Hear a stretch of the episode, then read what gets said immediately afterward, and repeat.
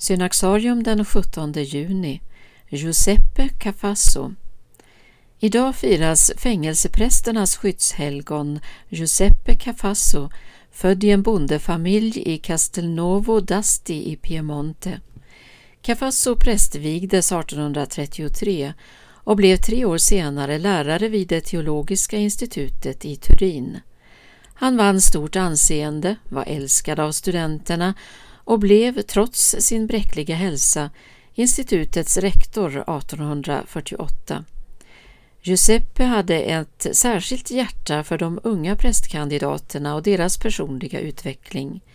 Dessa tog djupa intryck när han med sitt eget exempel manade dem att med disciplinerade vanor lägga grunden för ett liv i kyrkans tjänst.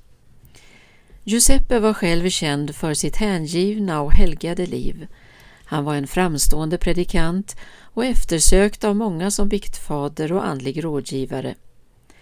När påven Benediktus den 16 utlyste ett prästernas år 2010 lyfte han särskilt fram Giuseppe Cafasso som exempel. Han älskade Herren, var fylld av en djupt rotad tro och levde i ständig bön och uppriktig kärlek till alla. År 1827 lärde han känna Giovanni Bosco och de två blev mycket nära vänner. Det var Giuseppe Cafasso som uppmuntrade Bosco att arbeta för att hjälpa unga pojkar som hamnat på livets skuggsida.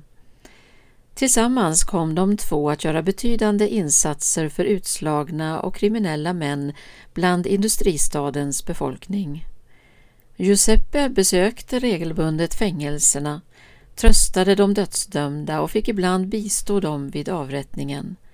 Han fick smeknamnet Prästen under galgen.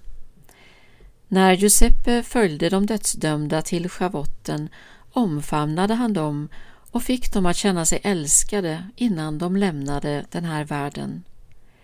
Giuseppe Cafasso helgonförklarades 1947.